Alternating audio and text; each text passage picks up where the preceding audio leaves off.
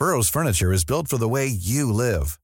From ensuring easy assembly and disassembly to honoring highly requested new colors for their award-winning seating, they always have their customers in mind. Their modular seating is made out of durable materials to last and grow with you. And with Burrow, you always get fast, free shipping. Get up to 60% off during Burrow's Memorial Day sale at burrow.com slash ACAST. That's burrow.com slash ACAST. burrow.com slash ACAST. Since 2013, Bombas has donated over 100 million socks, underwear, and t-shirts to those facing homelessness. If we counted those on air, this ad would last over 1,157 days. But if we counted the time it takes to make a donation possible, it would take just a few clicks. Because every time you make a purchase, Bombas donates an item to someone who needs it. Go to bombas.com slash ACAST and use code ACAST for 20% off your first purchase. That's bombas.com slash ACAST, code ACAST.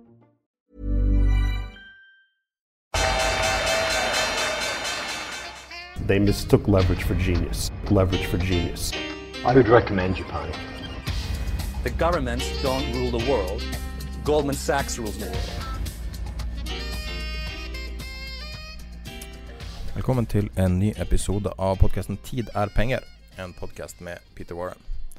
Eh, I dagens episode skal vi snakke om uh, Hellweek, som uh, sett under ett ikke var så spesielt uh, ille. Var, forrige uke var jo helt crazy. Mulig vi toucher litt innom gjeld, kanskje, kanskje ikke. Uh, her har vi en del uh, spørsmål i forbindelse med tvangssalg, og hvordan du skal unngå det. og altså bare å snakke om volatiliteten i markedet, for det er så ustabilt nå, selv om indeksmessig så ser det kanskje ikke så ille ut. General Electric hadde ei forferdelig uke, og så kom det seg igjen i går. Eh, vi skal snakke litt om eh, hvordan vi prøver å eh, gjøre ting litt bedre på podkasten, litt påvirka av endring hos Facebook. Jeg kan snakke om den minst populære IPO-en jeg noen gang har sett, i hvert fall, som er WeWork. Eh, mulig vi toucher innom Bård Drilling. Jeg klarer ikke å lese så langt, Peter. Hedgefond. Hedgefond. eh, og så, eh, dessverre for Peter, som da har britisk pass, er det tilsynelatende ingen som bryr seg om Storbritannia lenger. Folk har totalt sjekka ut. Så da har du sånn cirka oversikt over dagens tema. Eh, mulig vi i dag er litt, kanskje litt annerledes, så mulig vi går i alle retninger. Får du bare følge med. Eh, før vi starter episoden, så presenterer vår partner i, dagen, eh, i dagens podkast har vært med fra dag én, som er IG Markets. IG Markets er en uh, nettmegler for private investorer og tradere, og spesielt fokus på kortsiktig trading. det er mange muligheter der. Hos IG kan du handle et bredt spekter av markeder. Norske aksjer, utenlandske aksjer, like lett å gå long som short. Masse råvarer. du kan handle alle mulige slags valuta, selvfølgelig statsobligasjoner børsnoterte fond, kryptovaluta, hva som helst. Um, og en ting som kanskje gjør det lettere for uh, nye tradere, er at det er like lett å gå uh, short som long. Så du er ikke avhengig av at markedet går opp for å tjene penger. Uh, de har drevet på i 40 år, og det norske markedet blir håndtert fra Stockholm. Vi var nylig i Stockholm, eller nylig, vi var for nei, nå ble det nesten et halvt år siden. Det føles som nettopp da vi var i Stockholm og snakka med IG, og da hadde vi en samtale med Erik Hansen fra IG Market. Så jeg har et lite utdrag fra den som spilles i sin helhet i slutten av episoden. Och uh, ja, handlar till exempel oljan uh, så fungerar det ungefär som en future. Det handlar med ett marginkrav vilket innebär att du går in med en liten del av den underliggande exponeringen. Vi har drygt 40 olika råvaror, allt från guld, olja, de mest populære. Ja, da sitter vi og prøver å se på hva som egentlig skjedde sist uke. Så hvis du ser på chartet for SMP f.eks., bare for å ta noe utgangspunkt, så var det jo veldig choppy fram og tilbake, og du hadde nye tweet-drevne opp- og nedturer. Men hvis du egentlig ser sin siste episode, da, så har det vært vanvittig choppy. Men helt uendra. det, det, det, er bare Markedet er på det samme sted. Ja, nesten. Altså, det er ned 1 Men jeg husker fra, fra, under finanskrisen. Der hadde du en, en, uke, og da så jeg på Oslo Børs, og det var der jeg, jeg husker jeg, jeg tok ut øh, øh, kopi av det chartet og brukte den i, øh, i foredrag hvor jeg kalte det Hell Week. Og der hadde du faktisk altså Det begynte liksom med et dropp på 8% så gikk markedet opp 6% og så gikk den ned igjen til samme bånd. Så gikk den opp derfra 8% og så gikk den ned igjen. Og så på fredagen, som omtrent på desimalen, så endte vi der fredagen før hadde vært. Ja. Og jeg brukte den i, i eksempelet at hvis du, altså, hvis du var i markedet den uken, så var du helt utslitt. ikke sant? Du var helt ferdig når fredagen, når uh, børsbjellene ringte på fredag. Mens hadde du vært på ferie, så, liksom, så du, du reiste på fredagen, så hvor børsen var, og kom tilbake fredagen etter, så hadde jo ingenting skjedd. Med mindre du var gira, som alle er. Ja, men, ja, mindre, ja ikke sant? Men, men, da hadde på en måte ingenting skjedd. Og, ja. og den, den, panikken i forrige uke som man opplevde, og, og og overskriften det, var, det var jo helt fantastisk. Altså når ja. Sett i Altså Trump, Trump ringer til eh, sjefene for de største amerikanske bankene, bl.a. Altså, selvfølgelig Jamie Dimon, for å diskutere markedet. Altså hva, hva det er som foregår. Hør her. Altså Det amerikanske aksjemarkedet er fortsatt opp ca. 15% i år. Og vi beter oss som om det var på det verste av finanskrisen, da, da den amerikanske finansministeren og sentralbanken kalte inn sjefene for de største bankene for å se er, liksom, hvordan kommer vi ut av dette. Og, og, og, nå er markedet opp 15% og vi reagerer på samme måte. Det, er for meg helt utrolig. Og oppi det hele Trump forlanger jo da, og andre i Det hvite hus, at man setter ned renten med 1% og da svarer, og heldigvis var det noen som grep til fornuften, og det var Powell i, i Fed, som, som, påpeker det. Hør her. Markedet er opp, fortsatt opp tosifret i år. Aksjemarkedet er opp tosifret, og det har ikke skjedd noe. Det er ikke snakk om å røre den. Ferdig. Ferdig snakka. ikke sant? Altså alt i perspektiv. Så um, Altså Year to date så er Nasdaq opp 21% Ja, det, det, er akkurat det. Altså, SMP er opp 16 Ja. Herregud. Ja. Det er virkelig. Det er virkelig. Men altså, hvis du da tar til, til deres forsvar Hvis du da tar uh, Verdensindeksen er for øvrig opp altså nesten 14% 13, Mellom 13 og 14 Altså før altså, nå, nå har jeg ikke sett I dag sikkert 14 ja, alt er opp utenom VIX, egentlig. ja, men, altså, men, poenget mitt er at det er altså, Nattgass, At vi beter oss som det er en full global krise. Og henvendelsene i forrige uke var, var liksom jo, men, men, astronomiske, ikke sant? Kan liksom, hva gjør man nå? Det du har snakka om tidligere, som, uh, som er litt av årsaken til de her ekstreme utslagene. Og det er nettopp at ja, i Dagens Næringsliv, på forsida på den lille boksen, så står det at Oslo Børs var opp 1% eller ned 1% Og så står det i overskrifta eh, 'Krise, markedet stuper' og sånn. Men det som er bak overskrifta, er jo eh, enkeltinvestorer som er gira til pipa. Folk som har 40-50 års erfaring i markedet, og fortsatt gira til pipa i en liten drittaksje på eh, nesten uno... Altså det der eh, Merkur, eller hva det heter. Altså, mm. altså, folk Jeg føler at indeksen er ikke representativt for en vanlig investor. En nei, jeg tror, jeg tror, nei, men jeg tror, er, jeg tror kanskje indeksen er representativ for, for vanlige personer. For jeg tror vanlige personer uh, stort sett sparer i aksjefond. Og da er jo indeksen uh, mer eller mindre representativ for det. Men de du hører om, de på en måte som har bjellesauer og, og, og liksom navn som stadig går igjen i markedet, de gjør neppe det. Mm. De er nok, som, som du sier, de, de, kan godt være investert i, i, i mindre li, likvide instrumenter, for å si det forsiktig. Um, og da oppleve en helt annen, en, en helt annen hverdag. Ja. Og jeg tror jo også det at når Altså hvis du ser på meglerhusenes anbefalinger, så er det jo sjelden at uh, nei, vi tror den aksjen skal stige 6 eller 7% i år, eller 8% Altså, Da tror jeg ikke de engang gidder å gjøre analysen. Det er jo Alt skal jo Alle ender jo med at dette skal gå voldsomt. Altså, doble, altså Når du ser på overskriften i avisen, så er det jo uh, 'venter dobling'. Um, ja, men det er bare Altså, når jeg hadde Vi har snakka litt om i gruppa om at uh, jeg har lyst på Bloomberg-terminalen. mm. Bloomberg og en av de tingene som er artig med Bloomberg, er at den tracker alle de her analytikerne veldig bra. Mm. Og jeg husker når jeg hadde det før, så gikk jeg inn og så på alle aksjene på Oslo Børs. og så så du bare Så kan du charte opp eh, aksjekursen og anbefalingen. Og så ser du jo hvordan de endrer anbefalingen. Du trenger ikke å følge med så mye. Du ser 100% over aksjekurs alltid. Så hvis den faller, så senker de litt. Hvis den stiger, så hever de litt. Det er jo ikke noe It's not an exact science, det her. Altså det jeg så, jeg så for øvrig en henvisning um, Det var vel i forrige uke, og det var uh, analytikerforventninger når det gjaldt Boy Drilling. Okay. Og der var samtlige forventet oppgang, eller med, med ett unntak.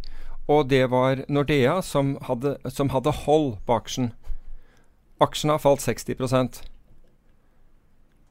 og da, jeg da tenker, altså Hvis det der har vært en forvalter, og du har liksom kjøpt det papiret, og du var ned 60% så hadde du ikke jobb. Ferdig. ikke sant? Da, da trekker alle ut pengene, pengene, sine.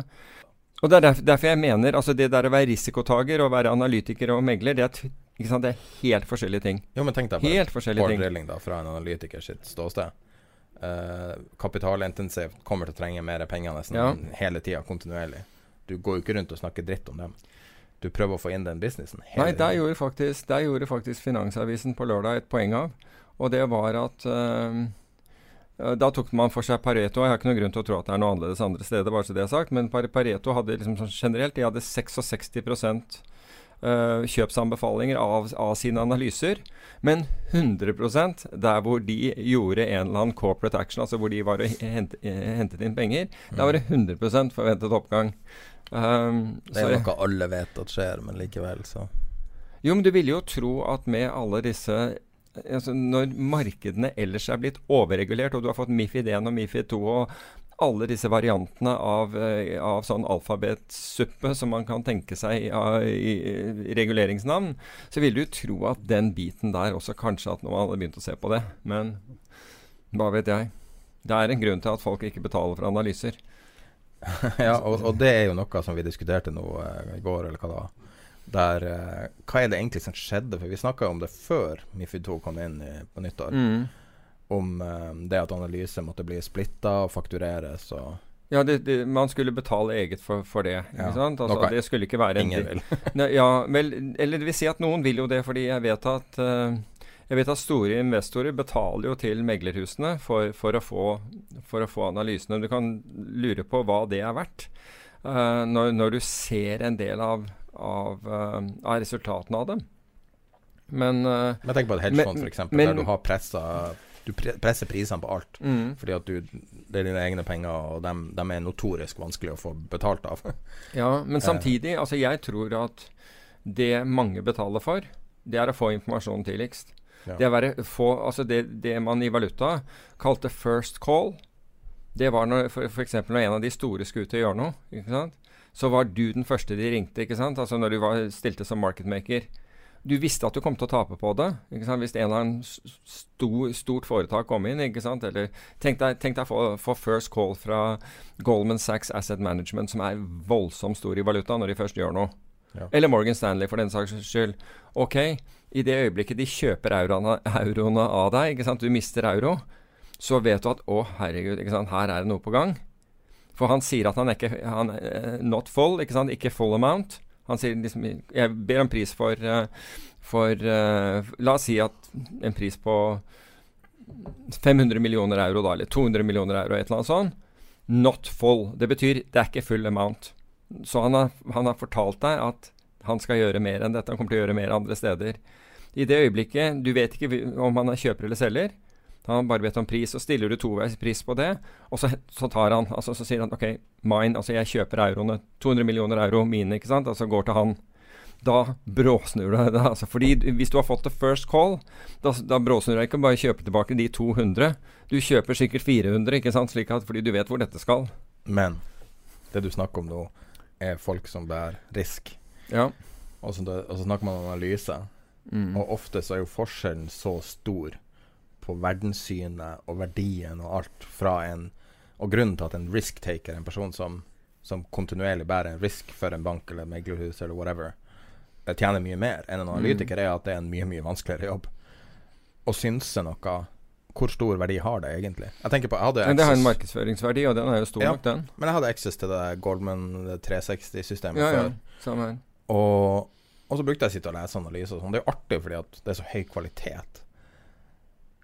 Men jeg vet ikke hva du kan gjøre med det. Altså, det er ofte Nei, men, men hvis du, hvis du, overraskende lite utility i det. Men hvis er, Ja, kanskje over tid. Men hvis du vet at, at en anerkjent analytiker, være seg fra Goldman, Morgan Stanley, eller kunne vært fra et norsk selskap for den saks skyld, men en som er god, kommer med noe Det å få vite det tidlig Det er sant. ikke sant? At du er liksom tier one type client. Og hva er det som gjør deg til en tier one client? Jo, det er at du legger igjen vanvittig mye, eller mer penger enn de fleste i kurtasje. Men spørsmålet er om det er der har like noe. stor verdi nå som det hadde før. Nå har ting blitt Hvis du tar, tar et eksempel, da, som, som er forrige uke, så kom den rapporten om General Electric ut.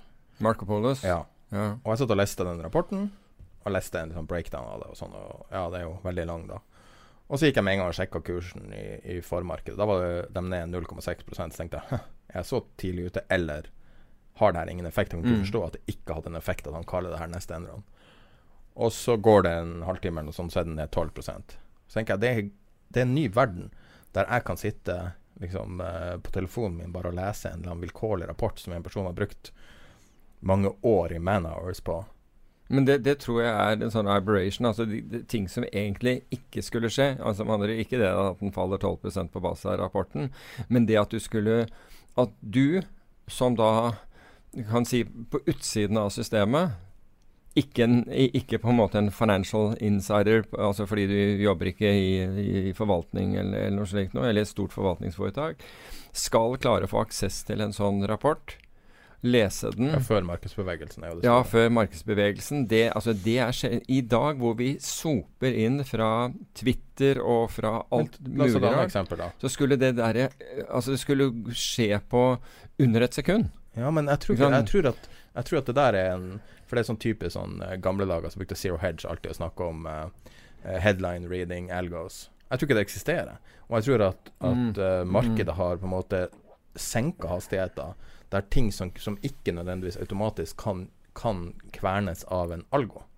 Og det her er en komplisert analyse som ikke bare kan helt uten videre settes inn i et regneark. Nei, det, og det, det kan være at du har rett, at kompleksiteten ved denne var så stor at det ikke lot seg gjøre å, å, å bare ta headlinen ut av det. det. Det kan være at det, er, at det er det som er forklaringen.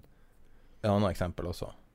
Tesla Q på, på Twitter. Hvis du skriver dollartegn og så Tesla og så en Q etter i ett år, Mm. så får du opp eh, det som kalles en cashtag på Twitter. Og Da kan du følge med på folk som da tror at Tesla er verdt null, og så kan du lese deres analyser. Og der er det vanvittig med data. Masse, masse gærninger, men det er vanvittig med data. Og hvis du bare følger med deg helt casually, så kan du med relativ sikkerhet spå retninga til Tesla. Så bra ja, er de analysene som er der. Du må selvfølgelig parse mye drit, men, men hvis du bare følger med, så klarer du å se opp- og nedturene. Du klarer å se gode salgstall. Du klarer sånn more or less å, å forutse det, og i hvert fall da forutse potensielle problemer. Og der var det lignende opplevelse. Jeg husker ikke hvilken av det. Der, der en nyhetsartikkel ble delt der jeg husker jeg fikk det opp. For jeg har en column til Tesla Q. Og så ser jeg den, leser den, tenker jeg det her må jo være vanvittig negativt for aksjen. Sjekker aksjen, uendra.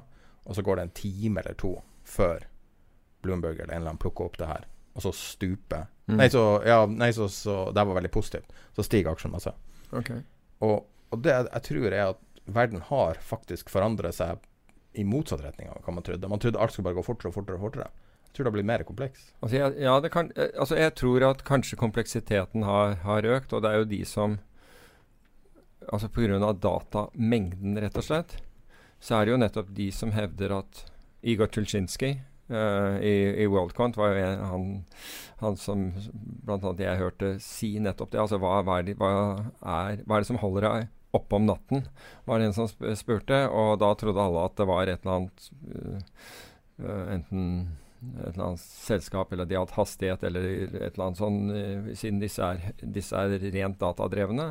Men da svarte han på, på med tung ukrainsk aksent 'complexity'.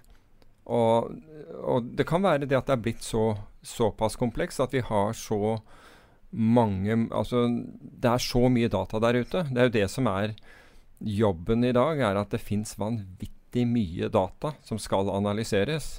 Og du skal liksom på en måte klare å dra cruxen ut av, av det. Og, det. og, man bruker jo altså både maskinlæring og man bruker kunstig intelligens for å forsøke å gjøre dette her. Men, Men og, og noen har kommet langt. vanlig intelligens også. Ja, ja, ja. En, ja, altså jeg tror at veldig mange, altså Nesten alle har vel en eller annen en eller vanlig intelligens bak. Altså sånn sanity check-intelligens bak det. Men det er de som er ren datadrevet. Renaissance er jo bl.a. Uh, en av dem. Jeg tror Two Sigma uh, på, på, samme måten. Um, ta for eksempel Det er noen som har dratt dette lenger. Ja, og, og, det er uh, Nicolai Tangen, i, han hedgefondforvalteren fra Kristiansand, som, som da sitter i London og gjør det fantastisk bra. Og, og, de ser på lingvistikk på en helt annen måte. De sitter og bryter ned uh, det som blir uh, sagt på, på, på resultatfremleggelser og, og, den type ting. Og ser på ordbruken kontra uh, ordbruken tidligere, og de analyserer mimikk og Og så sitter altså rett og slett facial, altså ansiktsmimikk, og analyserer den. Uh, de analyserer uh, øyebevegelser. Ja, og de har jo tatt det til eh, Altså, det, de bruker ren etterforskningsmetodikk. altså, han har jo folk fra Scotland Yard, altså tidligere Scotland Yard-folk, ansatt. Um, det som er komplisert med akkurat det, er at du må jo Altså Hvis du gjør et avhør av en person, så må du jo baseline den personen først. Altså Du må, du må sjekke at, altså hva når, når, når, snakker den personen sant, og, når, sant? og det gjør du gjennom å stille masse forskjellige spørsmål om ting, og så ser du hvordan vedkommende reagerer. Og det, det krever på en måte at du har en viss datamengde, for å si det på den måten, uh, på, på, individet, før du kan, du kan, si noe om at ah, dette tror han ikke på, eller, eller her beint ut uh, lyver vedkommende. Interessant. Men han har jo tjent vanvittig med penger på, på dette. her. Han har jo også bakgrunn fra, uh, fra norske forsvaret. Er det den, hvis man skal uh, ta den strategien til gitt et navn, er det den som kalles redlining, uh, der man Den der funksjonen som er Google Nei, Word, altså Microsoft Word, sånn at du kan se hva som har endra seg. altså Sånn red oh, ja, ja, Ok, det, ja, det, vet jeg ikke. Men, det er vanlig å gjøre. Men, men her, her, er det mer at du får Altså hvis, hvis, du skal gjøre et avhør av en person, ja. og du har aldri møtt vedkommende før ikke sant? Det kan være, altså du må, så, så må man gjøre justeringer for kulturell bakgrunn, uh, hvor man kommer fra, alder, hele greia. Litt så, som må justeres. Og så må du da stille en del spørsmål uh, til vedkommende, se hvordan vedkommende reagerer på dem. Du stiller spørsmål som du vet at vedkommende kanskje ikke vet noe om, eller kanskje vet svaret. Altså du, du vet svaret, men den du spør, vet ikke at du vet svaret, og så ser du hvordan, hvordan vedkommende svarer på det, osv. Så, det brukes for å baseline, snakke vedkommende sant, mm. eh, eller, og, eller hvordan reagerer vedkommende.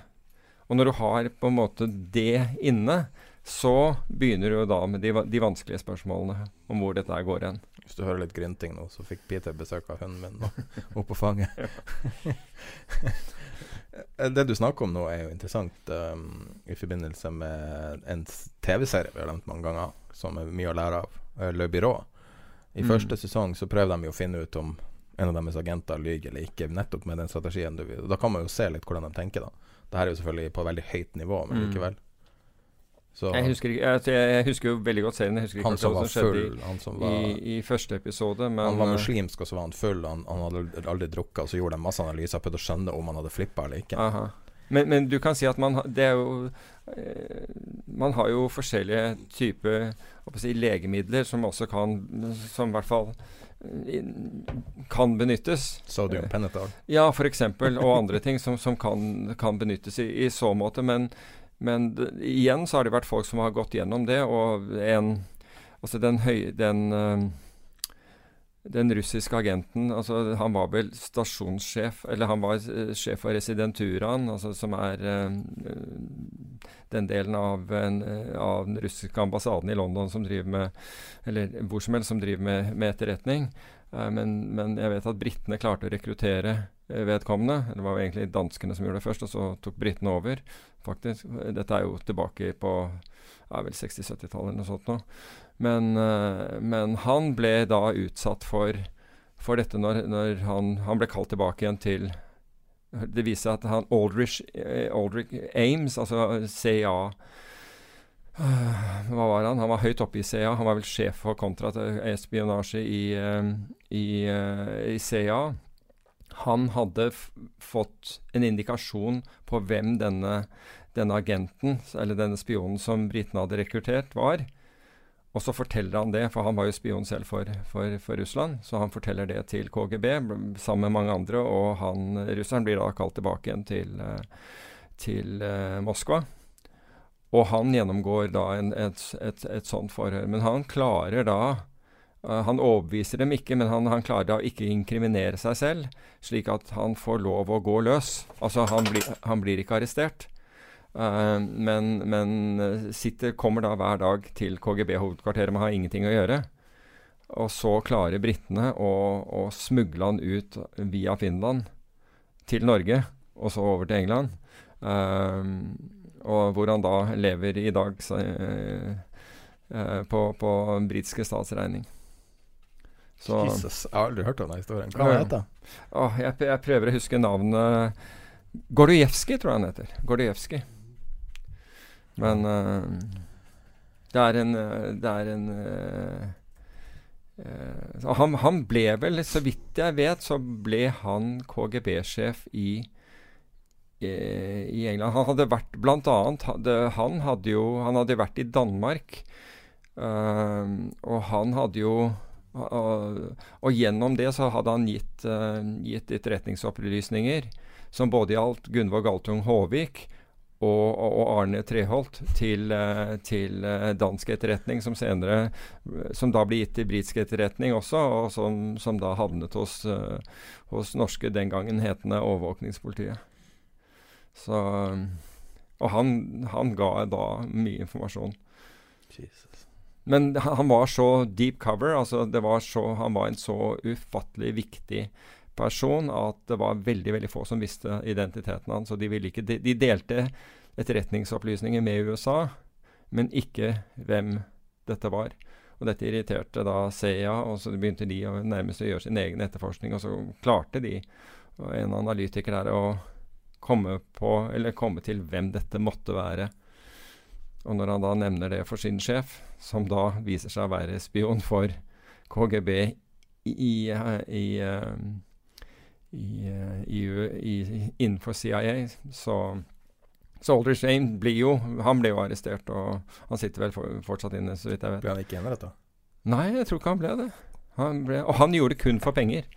Han hadde, han hadde en uh, Aldrich Ames giftet seg med en en dame fra var det Colombia eller Nicaragua eller et eller annet sånt. Og hun hadde, hun, hun hadde uh, expensive taste, så, så han, had, han, tjente ikke nok. Så han gjorde det rett og slett for penger, men uh, mens uh, han russeren som jeg nevnte, han, han, gjorde det av ideologiske årsaker. Han ville ikke ha betalt. Så. Fascinerende. Ja, ja. Jeg elsker sånne her historier. Ble sittende og se på Bridge of Spice i går.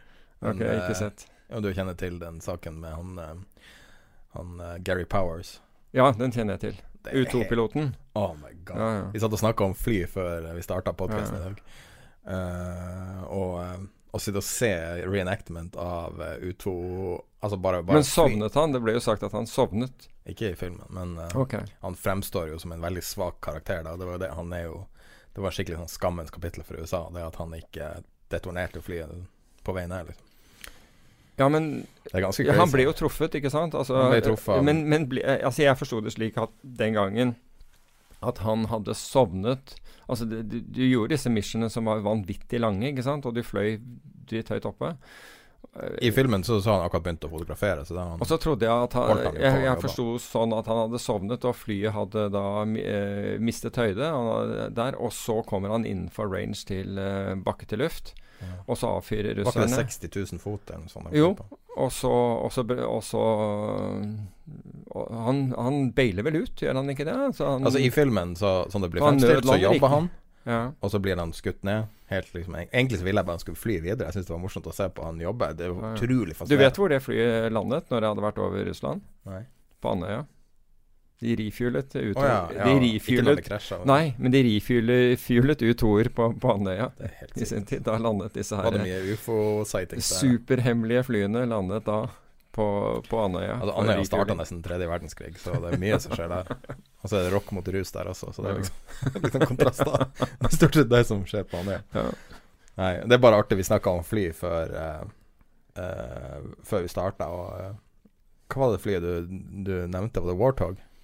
Ja, A10 Warthog. Ja, at det er men- det verste Ja, faenskapen som er. Nei, altså det er ikke det verste faenskapet, men det er i hvert fall hvis, hvis, du, hvis du kaller inn Hvis du er på bakken og trenger hjelp, og trenger, og trenger luftstøtte, så er det noe av det Når, når de melder seg på, på, på, på, sambandene, så, så er det Det er rimelig heftig hva han leverer. Ser du hva det står her? Nei. A10 Warthog Unleashing Hell. Ja. Fy faen. Altså, en A10 er en, er en uh, er en mitraljøse, en uh, roterende mitraljøse, altså en Gatling, en elektrisk En minigun, liksom. Ja, ja, bortsett fra at den er lange løp. Se på hvor, det her. Ja, men hvor du har bygget et flyskrog. Hvor du har bygget et fly rundt en mitraljøse. Det er i, i, praktis, i praksis en, A, en A10. Det er klart at du, du kan ha ting som AC 130 og mye annet som kan komme og levere Som kan gi deg hjelp, men en sånn der A10 som kommer inn, det, den står det respekt av. Nei, for Grunnen til at vi snakka om det, det var ikke helt eh, idiotisk eh, innfallsvinkel. Det var at eh, jeg sendte Peter en, en oversikt fra en, en artikkel som snakka om et eh, fly i andre verdenskrig. Eh, og de hadde Eller om fly i andre verdenskrig. Så de hadde analysert kulehullene på de flyene som kom tilbake igjen. Og så hadde de laga en sånn skisse, og det var der de skulle forsterke. Og så var det da en analytiker som sa at de må jo forsterke alle områder som, som ikke viser treff på flyene som kommer tilbake, for de som kommer tilbake, tåler jo åpenbart det. Mm. Og det syns jeg var en Altså Uten å klare å sette fingeren akkurat på hva jeg mener, syns jeg det var en sånn vakker måte å tenke på i finans, da. Ja, for, altså du ser det som det, ja, altså For alle ser jo på det som er, men ikke på det som ikke er, egentlig. Ikke sant? Det er litt sånn svart-hvitt. Litt sånn Sun Tzu-approach til eh, eh, at man ikke ser på, ikke ser på eh, Hvis du skal Armering av fly. Ja. Hvis du skal se fienden ute på, en, på et jorde, så skal du se hvor, hvor fuglene ikke lander, og sånne type ting. Masse. Men apropos, apropos i den der A10-en, der sitter piloten i et, i et titan-badekar. Jeg tuller, Ikke jeg tuller ikke. Ja, nei, men de, de bare kaller det Altså, den, altså cockpiten rundt han er det mest skuddsikre på hele, hele flyet. Fordi han flyr jo, selv om det er et jetfly, så flyr han både lavt og, og, og sakte. Altså er, han flyr under lydens hastighet. Og slik at den er den de- kaller det bathtub, altså han setter seg oppi, og det er liksom det sikreste på flyet. For dette flyet blir truffet. Mm. Dette flyet blir garantert truffet, men eh, du vil i hvert fall ikke bli truffet av det flyet, for å si det på den måten. Nei, det er bare fascinerende. Mm. Jeg vet ikke om folk vil høre på det, men det som er fint med å ha en podkast, who cares? Det er din podkast. jeg syns det er artig å, å touche inn på litt andre temaer, fordi at du har jo mye ting du har gjort. Mm. Eh, og da er spørsmålet Er det nå vi skal touche inn på den gamblingkarrieren du hadde? Nei. Nei, ok, Nei. Ta det senere. Fortsett å tease det til evig tid. Ja. Det er ikke så spennende heller. Men. Men da kan vi, vi kan snakke litt om G. da Vi toucher så vidt inn på G. Og det her er, vi har ingen ambisjoner om å prøve å si ha high mening om en 175 siders rapport som har tatt flere år med man hours å, Mm. å lage. Kommer fra en veldig kan du si en veldig kjent eller anerkjent eller uh, en in, uh, infamous analytiker, da, som heter Harry Marcopolis. Yes. Og Mm. i praksis han som uh, var den store whistlebloweren på Enron. Ja, så egentlig så Altså, han ble jo ikke whistlebloweren på en måte, fordi Marco Polos hadde jo gått til det amerikanske kredittilsynet, eller finanstilsynet, med det han hadde funnet ut uh, ved en rekke anledninger, med, Mm. og de hadde ignorert det. De hadde ikke gjort noe med saken. Så du kan si at han ble ikke whistleblower. Altså, han, han var Han var jo veldig tydelig i retten og ble brukt for alt det var verdt i retten, og det han hadde funnet. Eh, men det var jo ikke han som på en måte oppdaget altså, eh, så, Det var jo flere andre som, som også så på dette. Men Ed, Edward Thorpe gjorde, gjorde, jo det samme. Altså Princetons associate Ed Thorpe gjorde jo egentlig Apropos gamblingkarriere, han hadde jo en mm, veldig spennende men, men, Ed Thorpe gjorde jo akkurat det samme. Han sa at dette her er jo ikke mulig. Han så på det. Og han, han var jo kjent innenfor både uh, akademia og, og, finans. Ja, Men var, men var uh, Marco Polos var han short, eller? Nei, ikke i det hele tatt. Jeg tror han har, har ikke han revisorbakgrunn eller et eller annet sånt. Han, ja, akkurat. Så han eh, Nei, han, han, jeg tror ikke han hadde noe noe, noe uh, direkte sånn monet, Nei, jeg er temmelig sikker på han hadde ingenting uh, på en måte å tjene på dette. Uh, det har han derimot på den GS-saken. for han er jo blitt... Da jobber han for et hedgefond? Da jobber han for, for et hedgefond som så vidt jeg vet enda ikke er man har fått navnet på. Hvem ville tro det? Er det han uh, Stevie Cohen, kanskje?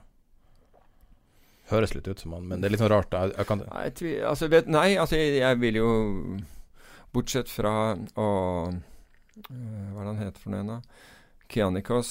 Uh, det kunne jo vært han, f.eks. Bortsett fra at han tror jeg gjør Uh, gjør, gjør, analysene internt. Han trenger på en måte ikke Marco Polo. det her er i hvert fall en ny strategi han gjør.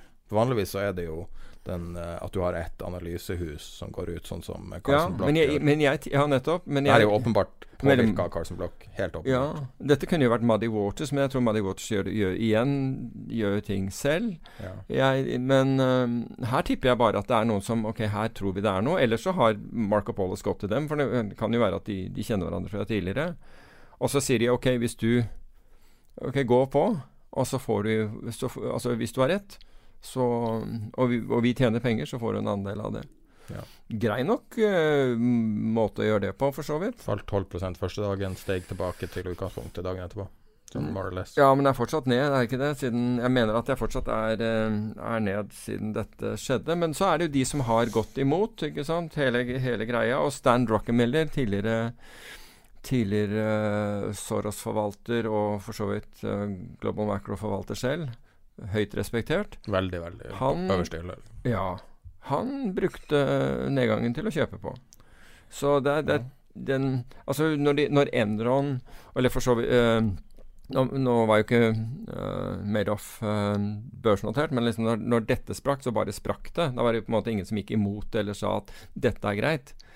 Uh, så det, det, dette er jo forskjellen. ikke sant? Her er det folk som går i, helt umiddelbart imot og sier at nei dette Jeg leste en analyse på Twitter om, om den analysen. Og vi, vi, kommer ikke til å gå inn på rapporten. Du kan lese hele rapporten. Nei, Den er for altfor for stor den ligger i beskrivelsen av Podcasten, ja. så ligger linken der.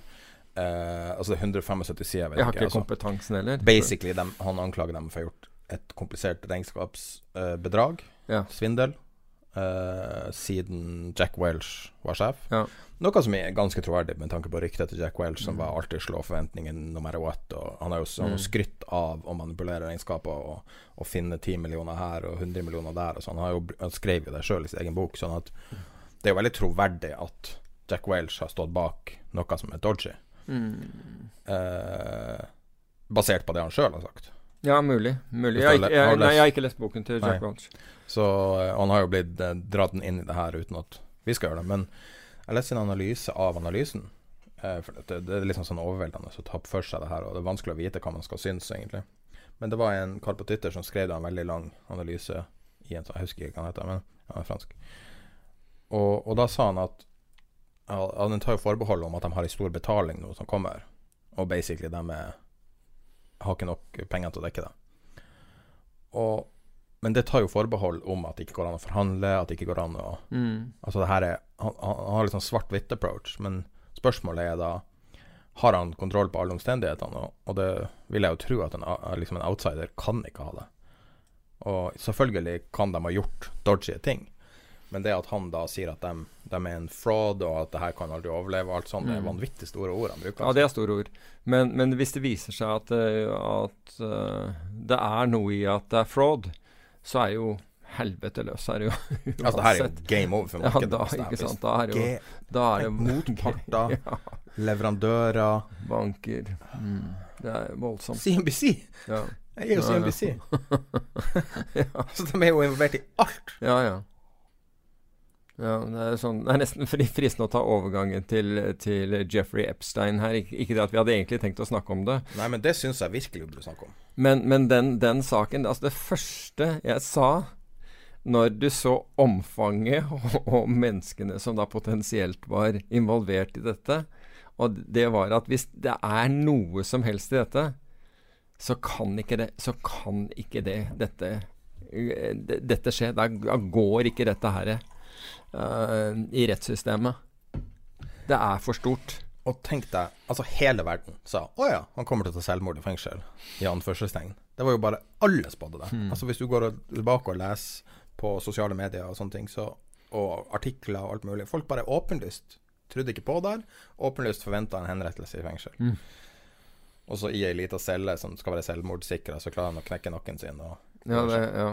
Og så sier hvor er kameraer ikke, plutselig ikke virker, Ja, og, og folk kommer ikke og, og, og, sjekker han halvtime, hver halvtime som man skulle ja, gjøre. Den mest sånn- in infamøse fangen siden uh, det der, det der det der, ja. Siden Al Capone, liksom. Altså, Ja. han, det har ikke vært en mer infamøs fange i USA det er altså, en over natta. Utrolig, en utrolig sak sak. fra A til Å. Og, men du, så begynner jo Det som er så spesielt med denne saken, er at konspirasjonsteorier, ville konspirasjonsteorier, er blitt så mainstream nå Mm. i denne saken at seriøse mennesker sitter og diskuterer om han er en israelsk asset, altså en, Mm. en intelligence asset, Ja. og at hele figuren Jeffrey Epstein var på en måte opp, oppspinn. At han var en fake milliardær. Ja, det var, ja. Folk klarer ikke å spore hvor pengene kommer fra. Nei, riktig. Og det er jo en, en, amerikansk, en kvinnelig amerikansk journalist som, som bor i Chile, Mm. som, har, som, som har skrevet en artikkel som Basert hvor- på offentlige, ja, offentlige data. Hvor, hvor hun da bl.a. nevner uh, uh, israelsk etterretning som uh, I hvert fall at, at eh, en av disse folkene rundt han Jeg mener han som, eh, som solgte han denne, dette Manhattan Townhouse for én dollar, hadde tilknytning til Ja, det er jo han til- som eier eier Victoria's Secret. Ja, et eller annet på W. Weck, et eller annet. Wexler Wexler. Ja, akkurat. Leslie Wexler. Ok, og noe sånt som hadde, hadde tilknytning, så hva, hva det er, det vet jeg ikke, men, eh, men utrolig sak. Men, men altså, arbeidsministeren måtte jo gå av. Ja. Uh, han hadde jo da Og det var jo også en, en merkelig sak hvor, hvor dette går til hvor, For Epstein blir jo, blir jo dømt for, uh, for dette tidligere. 2007 eller noe sånt. Ja, ja, noe sånt noe. Og så For ett års fengsel. og, ja, og så blir det hvor han, han sitter jo ikke det hele året heller, så vidt jeg vet. Men, men, men hvor uh, statsadvokaten gjør en deal som da de fornærmede ikke engang visste om. Slik at han får denne, denne, denne minimale straffen. Og, og så de fornærmede i saken de visste ikke at altså Normalt sett så vil statsadvokaten en sånn, si at vet du hva, vi, vi er ikke helt sikre på dette her, men vi prøver å gjøre en deal, for det er bedre å få vedkommende i fengsel enn ikke. Men her var det, var det ikke slik at bevisene ikke holdt eller ble, ble fremført som, som det. Her ble det bare gjort en, en utrolig eh, romslig eller bra deal for, for Epstein, og, og, og de fornærmede blir holdt utenfor. Det er, sånn, er det mulig? Er det mulig? Så, men det er klart at med det der rettssystemet som man er vant til der, sånn, så er det klart at Jeg skjønner jo da at, at Trump øh, da truer Storbritannia. Hvis vi bare hopper litt. Herregud, er For, ja, for ikke, for, for ikke Altså, den, den uh, iranske tankeren som Storbritannia Som britiske eh, spesialsoldater eh, boret og, og seilte til Gibraltar Eh, det, der, Den saken var jo oppe i retten i Gibraltar, og retten fant at eh, at det ikke var grunnlag for å holde på, på, på skipet, og satte da med andre ord skip og mannskap fri. Og da truet da Trump at det ville bli veldig vanskelig handelsforhandlinger mellom Storbritannia og USA, spesielt i forbindelse med brexit, etter brexit, dersom Storbritannia lot Altså dersom de, de ikke holdt på det, det, dette skipet. Mot på en måte rettens avgjørelse. Eller så prøvde han å påvirke retten. Men uh, skipet har i hvert fall hevet anker og, og, og har nå forlatt uh, Gibraltars uh, farvann. Og jeg er ikke sikker på hvor det seiler hen, men det er i hvert fall i, i internasjonalt farvann nå. Men takeawayen fra det der er jo at går det an å stå i en svakere posisjon enn Storbritannia gjør når de skal gå ut og forhandle? Altså, uansett Ja. så, så kommer de til å tape i hver forhandling fordi at de har ingenting. Men det er liksom så masse. Jeg, jeg skulle lete etter en oversikt. Det var noen som skrev en sånn fantastisk oversikt over alt som er galt i verden. Og, og det føles litt sånn finanskriseaktig, der det bare Jeg klarer ikke å huske alle tingene. Sånn som Argentina i forrige uke. ja. Total kollaps. Eh, 100 Altså, de konka i forrige uke på Ja. alle, alle parametere du kan bruke utenom da Tenk deg der, altså det er et, Templeton, et av Templeton, som er svære fondsforvaltere. De tapte 1,8 milliarder dollar på én dag på, på fondet sitt. Dette, er et fond som var på 17 Eller altså før dette så var det sikkert på, på nesten 19 milliarder dollar. Men altså de taper da nesten 10% av fondet på én enkelt dag. På et obligasjonsfond. Et statsobligasjonsfond. som Uh, er 100-årige obligasjoner også. ja. Som er nå priset til halvparten av pålyddet. Ja. Og, men apropos det du ser nå, det er jo at forvaltningsforetak altså de, de har jo fa altså Generelt pga. økte kostnader, økt regulering og alt mulig så, så ser du forvaltning, altså verdien av forvaltningsforetak har falt voldsomt. altså De som er børsnoterte, er vel nærmest blitt gruset. Um, og hvis de da i tillegg altså Det ser ut etter Woodford og det andre. Og hvis du i tillegg altså Én ting er at du taper penger, at fondene dine går dårlig, men hvis du i tillegg sitter med illikvide investeringer, så er du jo blitt gjenstand for vanvittig med shortselling. Så Men det er jo bare å se hvor folk strømmer. At de strømmer inn i østerrikske 100-årsobligasjoner, Ja, ja. japanske Men de har jo vist seg å være fantastiske. Du har doblet pengene dine. Ja, for det med eh, 200 cent on the dollar. Men Ja, det er jo, det er jo sinnssykt, det også. Ja, ja. At du betaler det- to dollar for én dollar. Jo, men hør her. Vi har nå 14 land som har negative policyrenter, ikke sant? Ja. Av de 14 landene så har ni av dem negative tiårsrenter. Så, og du, du må huske på at hvis du kjøper en obligasjon med negativ rente, så taper du penger hver eneste dag. Og den eneste måten du, du tjener penger på, er hvis den renten blir enda mer negativ. 23 000 milliarder dollar Penger, det òg. var i forrige uke. Det er Ja. mulig at er totalt i negativ eh, Altså uh, gjelder med negativ rente. Mm. Så det er, altså det er ikke vanlig som hvis du sitter på Husker du da, da vi snakket om å bruke amerikanske tiåringen som hedge? Da var den på tre, ikke sant? At det var en veldig god hedge hvis du var redd for markedene. Det, dette var i, i, i fjor. Da var vi på 3,2% Toppen var 3,25% 3,2 Altså Det vil si at hver dag så tikket det i hvert fall inn penger hvis du satt, på, satt med disse obligasjonene, og det var en bra hedge. Og så ser du altså, Men hvis du har negative renter, da har du en litt annen, annen situasjon. Se på uh, viste deg nå, det oppdaterte chartet på 100-årsobligasjon. altså hvordan, hvordan obligasjon faller med 2,4 Ja. Altså Jo, men den er jo, den, den er jo supersensitiv, ikke sant? Og, og nå, ja, så Hele verden er blitt til bitcoin, liksom. Ja. Det er eh, Det er blitt mye ja, det, Altså, folk Men altså Det er jo litt det med markedene. Altså alle den der frykten vi snakket om i forrige uke. Og det er jo Altså, jeg, jeg er jo ikke så redd for For det første så redd for markedet. Og hvorfor ikke? Jo, fordi så mange har tatt penger av bordet. Så mange har, har tatt Altså, det er mye belånte penger der ute, det er ingen tvil. Men veldig mange Altså, du, du, de strømmer inn til obligasjonsfond selv med negativ rente. Disse pengene altså hvis man, eh, de kan komme tilbake igjen til aksjemarkedet hvis man finner, hvis man finner at aksjemarkedet har, har, har good, good value, som man, man sier. Men, ha, men har det det? Altså nå, når vi ser på lista over ting å snakke om i dag, Mm.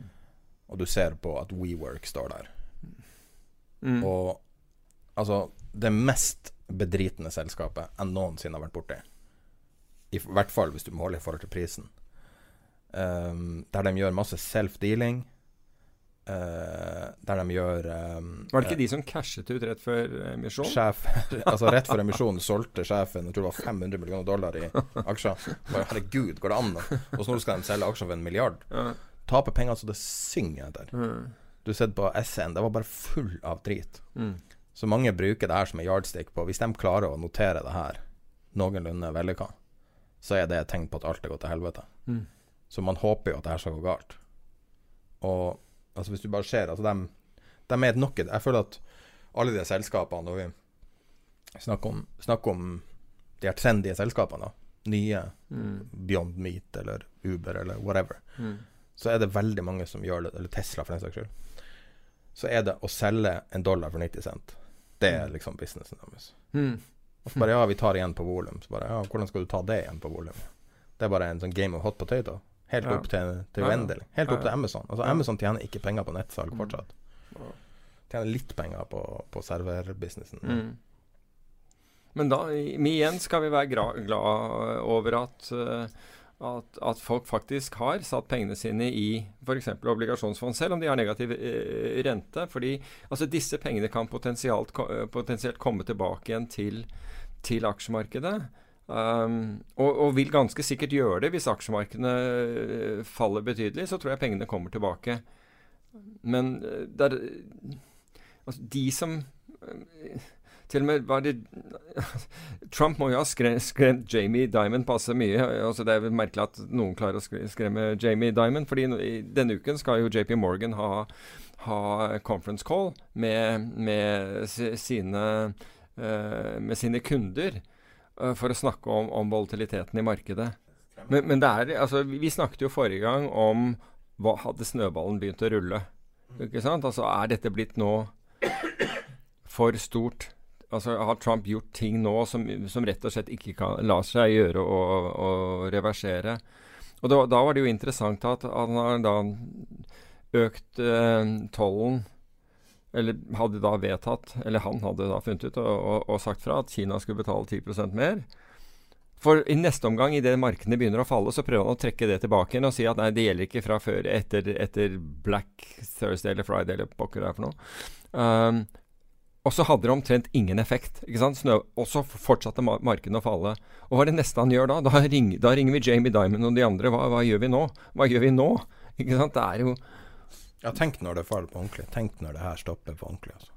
Du har brukt opp alt kruttet. ja. Og så har ECB av- går jo og sier at vi kommer til å kjøre på mer, og her er dundre på med kvantitativ lett lettelse. Men jeg, jeg syns jo Powell, altså ikke for å repetere det igjen, men, men allikevel, uh, som da sier hør her, markedene opp, tosifret, ja, det er ingen grunn til å gjøre noe som helst. Klar tale.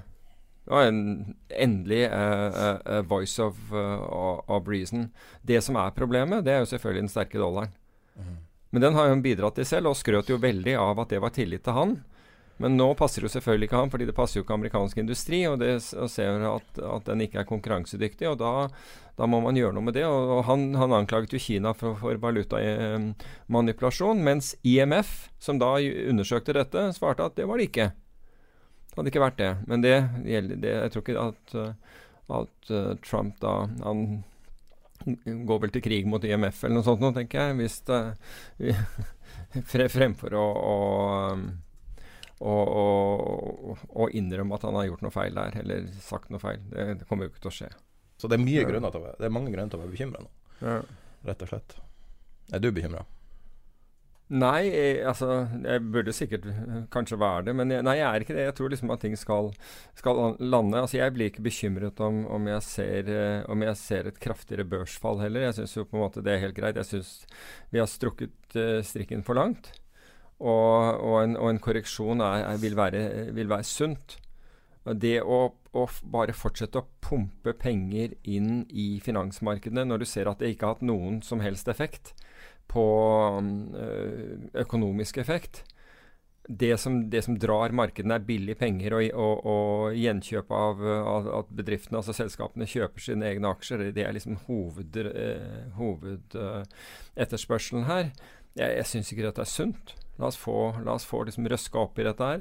Da detter sikkert noen sånne eh, lik ut av, av skapet også når det gjelder eh, når det gjelder svindel, og det, snakket vi om sist gang også. altså Enron kom uh, ut av skapet, og det samme gjorde uh, Madoff uh, under en sånn en. Fordi det er sikkert mye annet der ute. Sikkert mye annet.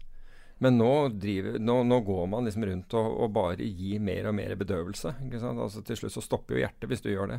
Hm. Ikke sant? Du, du, klarer ikke å overleve det. Alt, blir, alt bare reduseres. og og, og, i mellomtida så blir folk tvangssolgt ut. Så vi så jo en sto i Dagens Næringsliv i forrige uke. Ja. En, en ja, norsk så, investor som hadde så, bare blitt uh, stoppa ut av, av Ja, og så hadde det gått bra igjen etterpå. Det er jo helt typisk. ikke sant? Altså, du har ikke likviditet Nei. til å Og da hjelper det jo ikke. Altså, det er jo nettopp det. Ja, det hjelper det ikke at uka slutter på det samme som utgangspunktet, når enkeltaksjer helt riktig. Vi, vi, helvete, ja, hvis du blir stoppet ut på bånn, så hjalp jo det deg fett lite. Og det hjelper ikke. Du kan ikke komme til banken din etterpå og si at ja, men det skjedde jo ingenting. Dette gikk jo bra. Det måtte jo alle se. Nei, ingen ser det, fordi dette er, eh, dette er tall. Og, og, du skal ha en høyere grad av likviditet.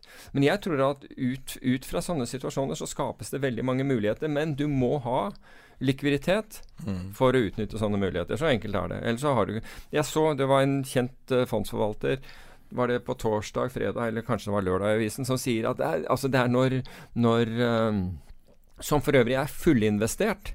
Som da sier at det er når liksom kursene faller at, at mulighetene dukker opp. Ja, men altså, hva, vi, hvordan skal du utnytte det når du er fullinvestert? Du får jo ikke utnyttet det. Hvor skal, ikke sant? Altså, Sa de det til deg? Var det? Nei, det var i avisen. Okay. Det var i avisen. Um, uh, Folk sier mye rart, da. ja, men altså, det, det, er nettopp da man skal, skal kjøpe. Ja, men altså, vi, Hvis du visste det, da, da, da, burde du vært likvid og så kjøpt i fallet. Men nei, du er fullinvestert hele veien, så da hjelper det jo veldig lite. Jeg tror veldig mange folk tror at banken skal stille opp sånn som de har gjort hele veien og du kan bare fullinvestere. Ja, men det får du aldri gjort. Når usikkerheten brer seg, så, er, så er da, da, skrur banken igjen krana. Og da tar det i hvert fall mye lengre tid. Ja. Så sånn, ja. Men vi må også huske at liksom, vi har gjort oss så avhengige av aksjemarkedet. For, eh, altså fordi myndighetene har presset og presset og presset folk til, eh, hvis de skulle ha avkastning, til å Altså du har tatt bort nesten alle andre alternativer for de fleste sparere enn aksjemarkedet. Uh, og så gjør man rentemarkedet bortimot negativ, altså mange steder negativ, så det ender liksom Du har aksjemarkedet eller, eller bankkontoen din. Um, men så er det de som Mens du berømmer ikke og forsøker ikke å, å berømme de som Eller um, oppmuntre de som forsøker å skaffe avkastning fra andre steder. Vi nevnte Volian, det derre det hedgefondet fra, fra Berkeley som én, men men noen har klart det, og, og, og, det Altså hvis vi skal bare ta, gå over til å snakke om liksom hedgefond eh, vinnere og tapere i år, så, så, har jo Murfield GSC Partners altså De ligger på toppen med, med en avkastning på nesten 80 um, Og det de har gjort, det er å, å, å, å kjøpe uh, preferred stock, hva heter det på norsk? Uh, er for aksjer i, uh, i, disse, i, disse, amerikanske låneforetakene, er, altså Fannie Mae, Ginny Mae, Freddie Mac, som er eiet av amerikanske amerikanske staten fordi de tok det over under, under, finanskrisen, og som nå da skal på en måte selges ut i, i markedet. Og det fondet er da opp 80 Den har da gjort noe helt annet og det er jo akkurat de, sånn, de gjør sånn special purpose vehicle-ting. Event-driven type investeringer. Det er, det er Boston-basert, Murfield, uh, hvis jeg ikke tar feil. Um, og, og, det er interessant da å se. altså De er opp 80% i år. Det er ikke som, altså, du må ha bitcoin for å, for å, omtrent for å slå de. Ja. Uh, Pershing Square, som vi har snakket om, Bill Ackman, som vi, vi, snakket om sist gang. Her står det På den listen her så er han opp Men jeg mener han er, er ja, det er per 6. august. Han er opp ca. 40% i år. Og i tillegg til det så har du 30 og den handles med 30% rabatt. Så, og siden han har da fått 400 millioner dollar, altså låne 400 millioner dollar for å kjøpe ned egne aksjer for å bringe den verdien høyere opp, så, så burde, burde jo alt annet like være attraktivt. I tillegg til det så har da, så har da Pershing Square nå tatt en stor posisjon i Berkshire Hathaway, som vi også nevnte forrige gang, som da har, sitter på 122 milliarder dollar i cash. Så det er i hvert fall et bra sted å putte pengene hvis du tror at Han kjøper nøytralt. Altså, ja, han, kjøper, altså altså han er blitt en av de 50 største aksjonærene, han, i, eh, i Berkshire. Jeg så at Zero Hedge sa han skulle bli aktivist. ja, men ja, det kan godt hende at han Det var tull, det da. Ja, men, men, det er interessant at han er der. Og, og, og, det er også en tillegg til Warren Buffett at han ikke, at han ikke gjør dumme Altså Når han sitter på 122 milliarder dollar, så er det en grunn til at han sitter så likvid. Og det er fordi, vil jeg tro. Og det er fordi at han venter at det skal bli at det skal komme ting ut på billigsalg, eller i hvert fall ja, billigere. Tenkelig. Ja, og altså. da har Bill Ackman funnet ut at det er et bra sted å parkere, eh, parkere cash. Her kjøper jeg det eh, billigere enn eh, Og det, dette kan være et bra sted å ha det, og mens jeg da samtidig kjøper egne aksjer. Det kan også være en legitim strategi for mange. Folk er jo alltid på jakt etter noe trygg havn. Kanskje det er den nye trygge havna? Ja, det kan være at det er den nye uh, trygge, ha, trygg, havn. trygge havn.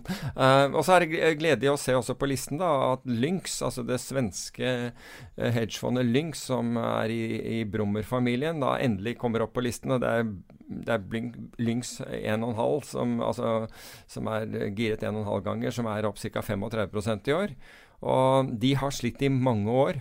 Uh, så det er, det er egentlig jeg vet at de har endret altså Det tok dem altfor lang tid, etter min oppfatning, å begynne å endre strategi og se på andre muligheter. De satt og sa at ja, men alle dataene, langsiktige data viser at dette, at, uh, at uh, dette her går bra, og at vi har rett. Problemet er at investoren er ikke langsiktig, og hvis det er mismatch mellom det du leverer og det investorene forventer, så, så begynner de å ta ut pengene. Men det er iallfall gledelig å se de på, oppe på listen.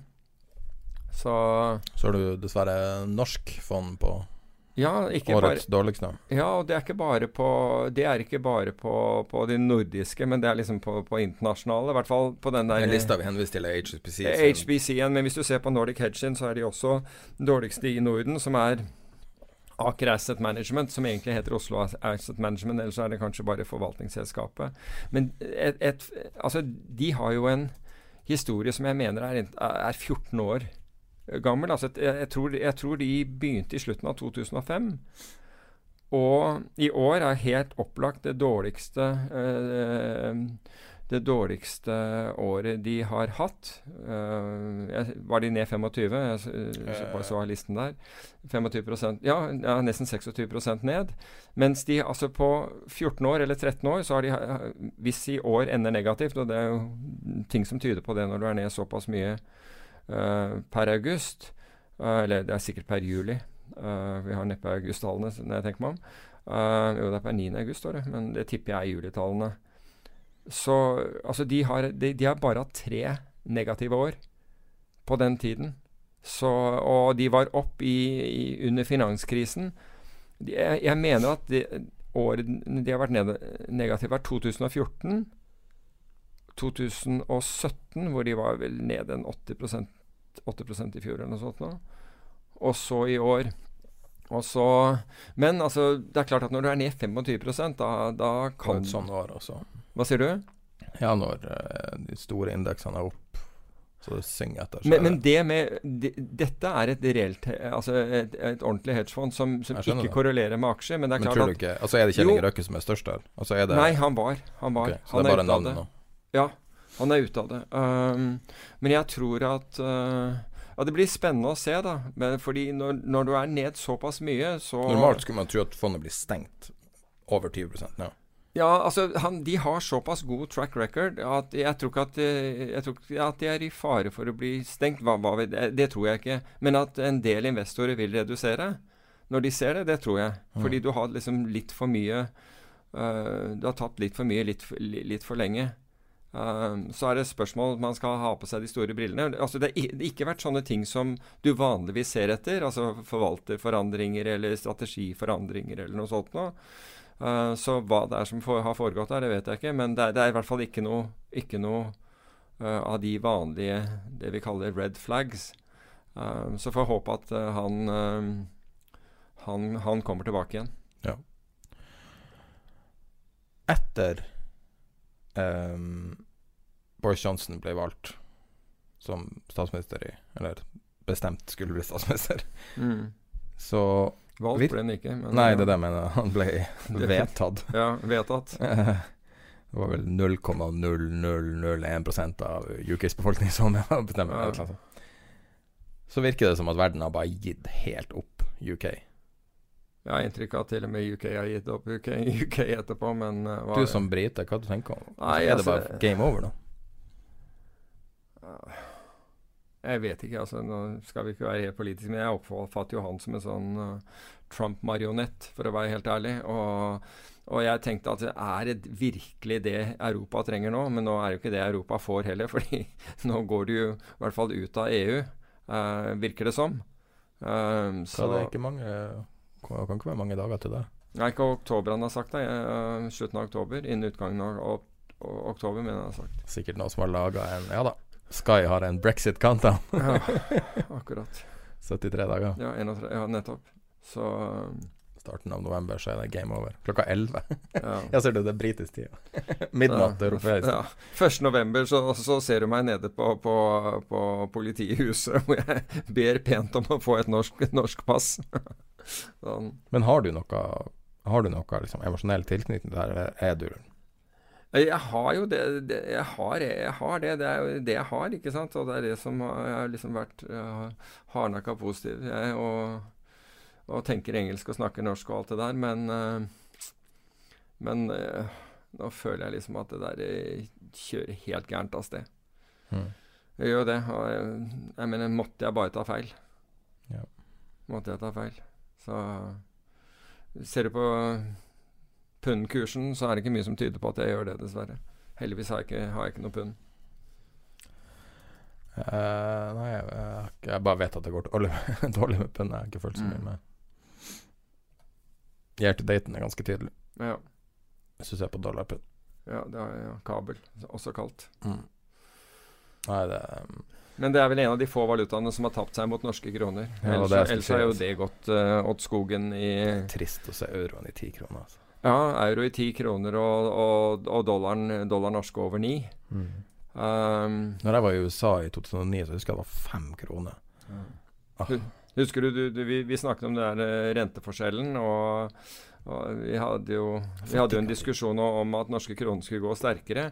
Og det, altså, Du kan si at alt annet like, så er jeg ikke uenig i beveggrunnene for at norske kroner kunne gå sterkere, nemlig altså en solid norsk økonomi og, og en, en høyere rente enn en, uh, konkurrerende valutaer. Jeg er ikke uenig i det, det er bare at valutaen er for liten. mm. Og, og når, når du har uro i verden altså, Så så jo hva det gjorde med argentinske peso òg. Heldigvis ikke så ille, men Nei, nei, nei. ikke sant? Så trekker folk seg vekk så fra langt unna. Nei, så trekker folk seg unna Nei, det, det, altså, det, var, ikke men, det var ikke ment å, å, å, å gjøre noen samling, eh, sammenligning mellom de to, fordi det må ikke lytterne oppfatte. For det, det, det er ingen Det er absolutt ingen eh, sammenligning mellom de to. Men annet Altså, når du har en Om du vil en insignifikant valuta, som norske kroner dessverre er i, i, i volum og og, og, og handelsstørrelse, så, så tenderer man til å komme seg unna. Men det sagt, du skal ikke utelukke at, at i Nå jager folk avkastning så kraftig at hvis, du, at hvis utlendinger begynte å kjøpe norske obligasjoner, altså ta norske stat ikke, altså Du får i hvert fall var det 1,10 år? 1,4? 1,3? 1,4 Ja, prosent? Rundt der. Altså Hvis du får det altså i, Til forskjell fra å kjøpe en um, um, eh, obligasjoner med negativ rente, så kan du altså, kan, altså I det øyeblikket en eller annen finner ut at vet du hva, det er egentlig under, eh, undervurdert. Um, er, eh, norske kroner er undervurdert. Du kan kjøpe norske verdipapirer f.eks. Så kan du virkelig få et trøkk på det. Men, men det er ikke en prediction fra meg. Men det er i hvert fall noe jeg ville se etter. Hvis jeg så tegn på at uh, kronen begynte å styrke seg, så, eller uh, at du, du så uh, press på, på norske re rentepapirer. Når jeg snakker på press, så, så betyr det at obligasjonen går opp, renten går ned. Statsobligasjonene, så kan det være at noen snur seg og sier vet du hva, her, er, her kan vi faktisk tjene noen penger. Men, det, men det er, det er, jeg syns det altså det er bra for norsk eksport. Ja, men, Men hvis du ekskluderer oljefondet, da Hvor mye volum tror du det er i kroner? Jeg tror ikke det er mye, altså. hvis du Ekskluderer oljefondet. Altså, den veksler jo masse. Ja. som er den primære driveren bak krona, egentlig. ja, de selger jo kroner, kjøper utenlandsvaluta, ikke sant? Ja. Stort sett gjør jo det. Så det jeg lurer på, er hvor mye handel i kroner kan det egentlig være? Ja, det er altså ta, altså ta olje, fisk alt, alt handler jo i, i valuta. Så det er jo, det er jo handel i, i norsk valuta. Jeg vet ikke hva, altså Norges Bank har den statistikken. De kan fortelle nøyaktig hvor stor handel det er. Um, så der tenker jeg bare å gå inn på Norges Banks sider, så ser du Ja, hva Hvis du sammenligner med la oss si, et lignende land i størrelse, Sveits, så vil det jo være Ja. bare en bitte liten Ja. blipp på chartet i forhold Antagelig. til Sveits. Antagelig. Fordi at Sveits har så utrolig mye mer troverdighet over så lang tid. Ja. Ingen annen grunn. Det er jo ikke Mm. noe, de har jo ikke noe mer enn troverdighet. Nei. Det er rart at Norge ikke har klart å bygge seg opp en sånn Hadde man kanskje satsa på bank og finans her i mye større grad, så kunne det vært at man hadde en mye sterkere krone. For. Mulig. Mulig. Man kunne ha bygd et sånt finanssentrum à la Singapore, liksom, eller eh, Dubai. Det var, jo, det var jo en eller annen gang man Ja, men altså hvor, hvor man tenkte å gjøre det. Men altså, sånt nytter jo ikke å gjøre i, eh, i rett og slett i Norge. Altså gjøre det som Irland gjorde, egentlig, på en måte. Å bygge opp et finanssentrum. Altså Når Irland sa at vi skal bli et finanssentrum, eller Dublin sa det, så tror jeg det var mange som eh, dro på smilebåndet. Men jaggu klarte de det. altså. Ja, og De gjorde og Google og alle Ja, sammen ja, de gjorde det superattraktivt der, og du ser at de har jo en, fortsatt en, en stor finansindustri Ja. i Irland. Men du fikk en, en sånn knock-on-effekt med masse forskjellige businesser som strømma til Irland. Ja da, det var Så veldig bra. Det det. Og den rollen kunne sikkert Altså En sånn rolle kunne sikkert Norge ha tatt. Men det hadde ikke gått her pga. at uh, du blir kritisert for enhver uh, Ja, ja. enhver ting du prøver å tjene penger på. Så, ja så da kan ikke Goldman Sachs sette opp en business her. Nei. Jeg syns det er selve målenheten på at Norge ikke betyr noe, at Goldman ikke har kontor her. Altså. Ja.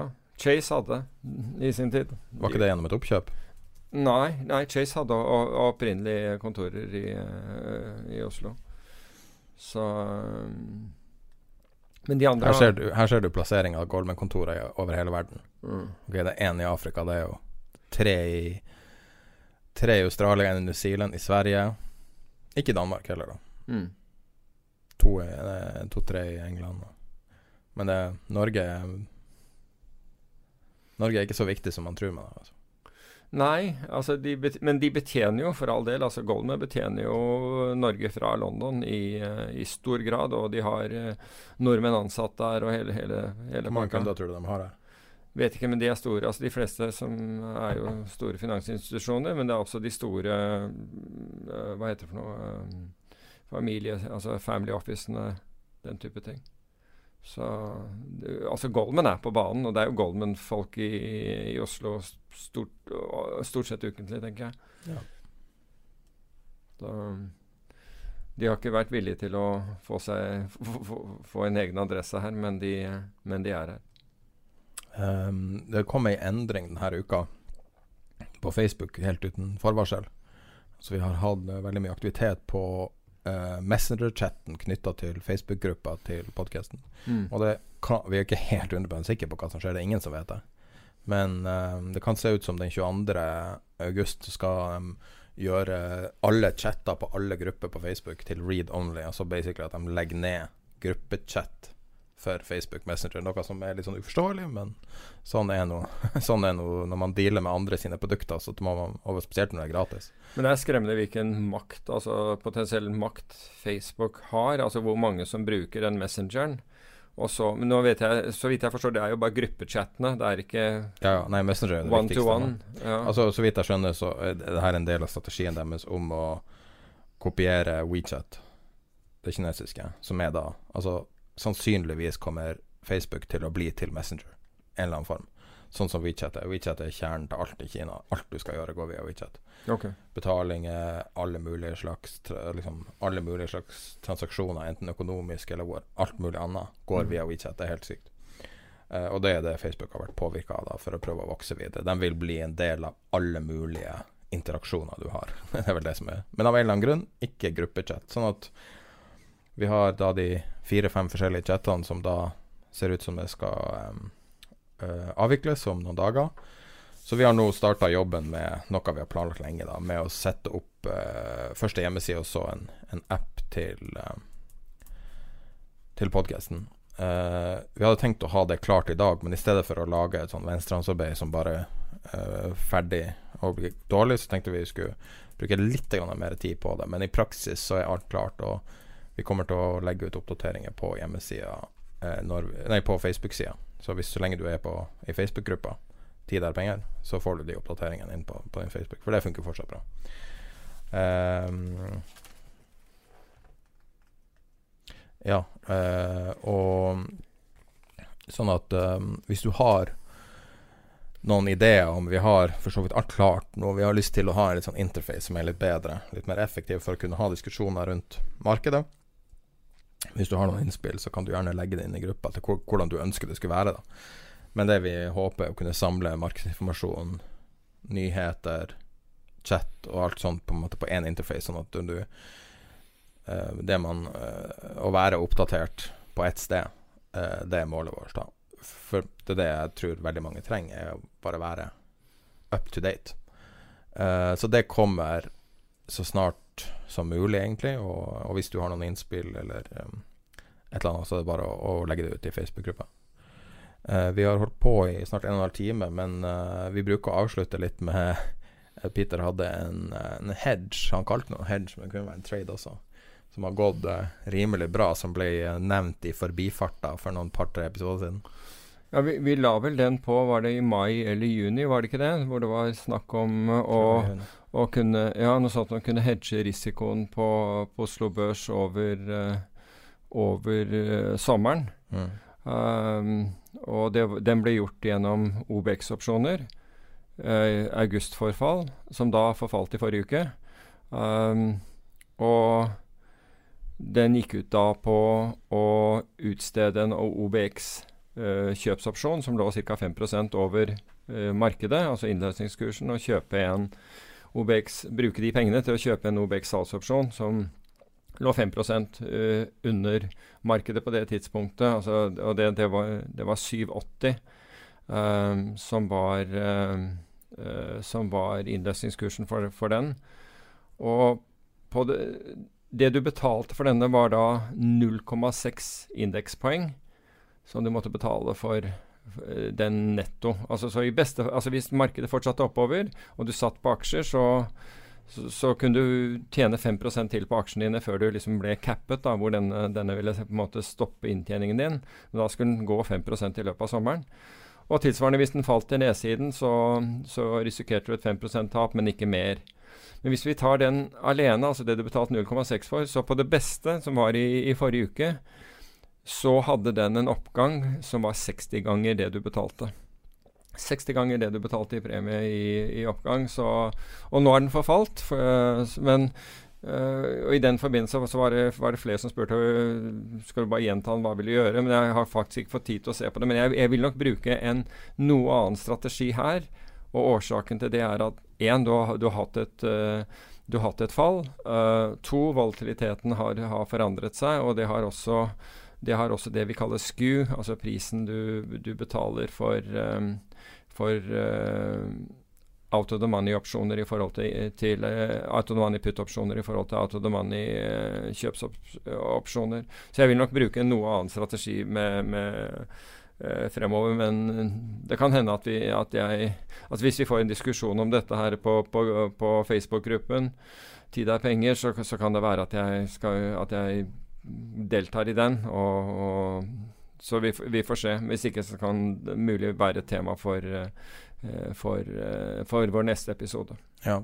Eller når vi da debuterer erstatninga for Facebook-chatten, så kan du kanskje bruke det der. ja. Vi har flere alternativer da som erstatter all funksjonaliteten, så forhåpentligvis legg på litt til. Men det er 60 ganger pengene, ikke så verst. Nei, det er ganske greit på et par måneder, er det ikke det? Jo, nei, det, og det var noe du heiv ut, en komplett strategi du heiv ut på slutten av episoden, så jeg syns det var litt artig. Ja. Sånn uh, uh, siste liten ting. Sånn som Steve Jobs var alltid på det her fremleggelsene. Ja. Men da tror jeg vi avslutter dagens episode og uh, med en samtale med Erik Hansen fra IG Markets. Hvordan handler man råvarer hos uh, IG?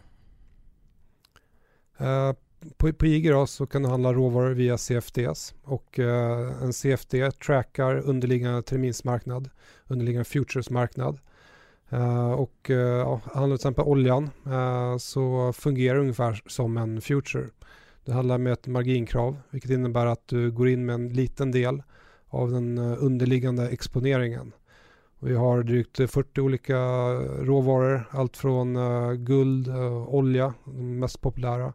Vi har även råvaror som majs, socker och apelsinjuice. Och de här marknaderna handlas också dygnet runt. Just för att terminsmarknaden är ofta öppen dygnet runt.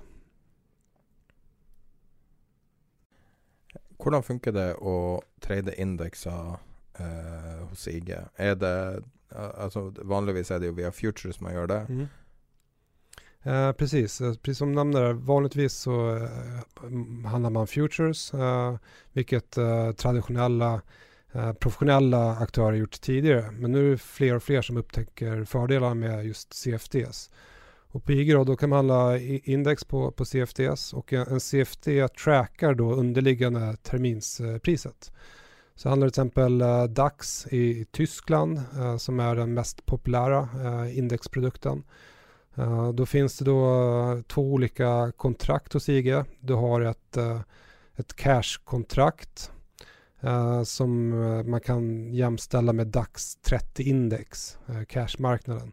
Sen har du ett eh, CFD-kontrakt på själva terminen. För du har ju cashmarknaden, index och sen har du terminsmarknaden. Så vi har två olika kontrakt och du får lite leverage och du kan också handla då dygnet runt på de här marknaderna. Så att, och då är det många som frågar men hur prissätter vi på, på kvällar, nätter och morgonen? Jo, då tar vi priset från USA-terminen som handlas nästan dygnet runt. Uh, och sen tar våra marknad hänsyn till hur, hur handlar. Så är det många kunder som handlar, uh, köper på morgonen så, så, stiger priset såklart. Men jag tror vi har ungefär uh, 30-40 index som vi erbjuder. allt från Brasilien, Kina och sen de vanligaste större USA, Norge, Tyskland, Eurostox vidare.